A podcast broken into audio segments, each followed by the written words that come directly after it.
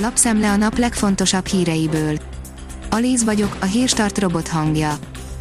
Ma november másodika, aki lesz névnapja van.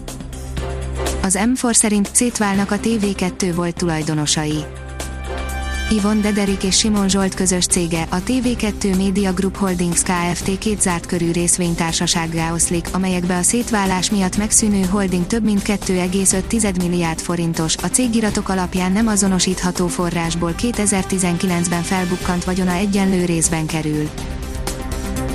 A 24.hu írja, napi 300 kamionnal érkezik a NER a Fertőtóhoz állami pénzből épülhet négy csillagos szálloda, kikötő és 16 teniszpálya a Fertőtó partjára, a Nemzeti Park területén Mészáros Lőrinc cége vezényli az építkezést, amely ellen hiába tiltakoztak a helyiek, a beruházást egy 2017-es tűzvész is megkönnyíti. Azaz én pénzem írja, koronavírusos lett a magyar munkaerőpiac Rengetegen dolgoznak még csökkentett munkaidőben, derül ki a KSH friss elemzéséből, a most megismert és a részmunkaidősökről korábban közzétett pénzügyminisztériumi számok sem mutatnak éppen rózsás képet, de több tényező szerint a helyzet még ennél is sokkal kedvezőtlenebb lehet kormányzati oldalról közben, mintha mosnák kezüket. A növekedés oldalon olvasható, hogy Kína a járványt használva csendben elszipkázza a vezető technológiákat Miközben a világ a pandémia okozta válsággal küzdik, a gyorsan kilábalt Kína minden korábbinál intenzívebben szívja el a legújabb fejlesztéseket a fejlett világból, mindenek előtt Németországból, de Peking nem elégszik meg 21. századi technológiák megszerzésével, a szabványosítás ellenőrzését, azaz a világgazdaság ellenőrzését tűzte ki célul. A Hír TV oldalon olvasható, hogy hét hajóval 400 bevándorló érkezett egy nap alatt Lampedusa-ra. Ugyanígy érkezett meg Olaszországba a nidzai merénylőként ismert Brahimi Szávi, aki október 29-én három embert meggyilkolt. Az Infosztárt oldalon olvasható, hogy néhány kerület szembe megy a fővárosi trenddel. Bár összességében egész Budapestről az elvándorlás volt a jellemző az utóbbi időben, néhány kerületben mégis nőtt a népesség.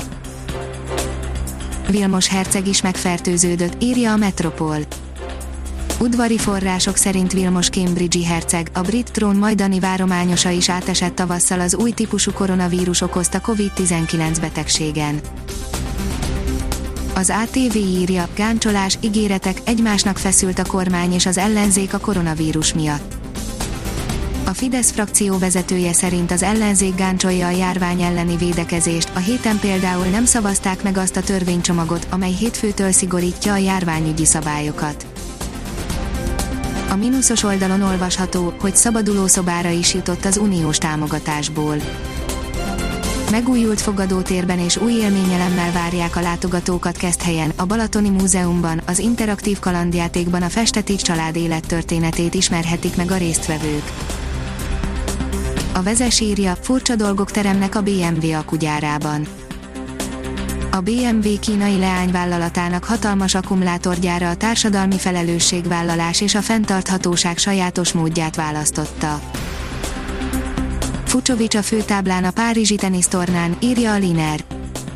A híres magyar teniszező folytatja a jó sorozatát, és a Párizsi tenisztornánk is felhívta magára a figyelmet. A kiderül szerint 20 fokos meleget is tartogat a november annak ellenére, hogy fokozatosan rövidülnek a nappalok és gyakran lesz felettünk felhős az ég, a hét első napjaiban jelentős melegedést fogunk tapasztalni hazánkban. A Hírstart friss lapszemléjét hallotta. Ha még több hírt szeretne hallani, kérjük, látogassa meg a podcast.hírstart.hu oldalunkat, vagy keressen minket a Spotify csatornánkon. Az elhangzott hírek teljes terjedelemben elérhetőek weboldalunkon is.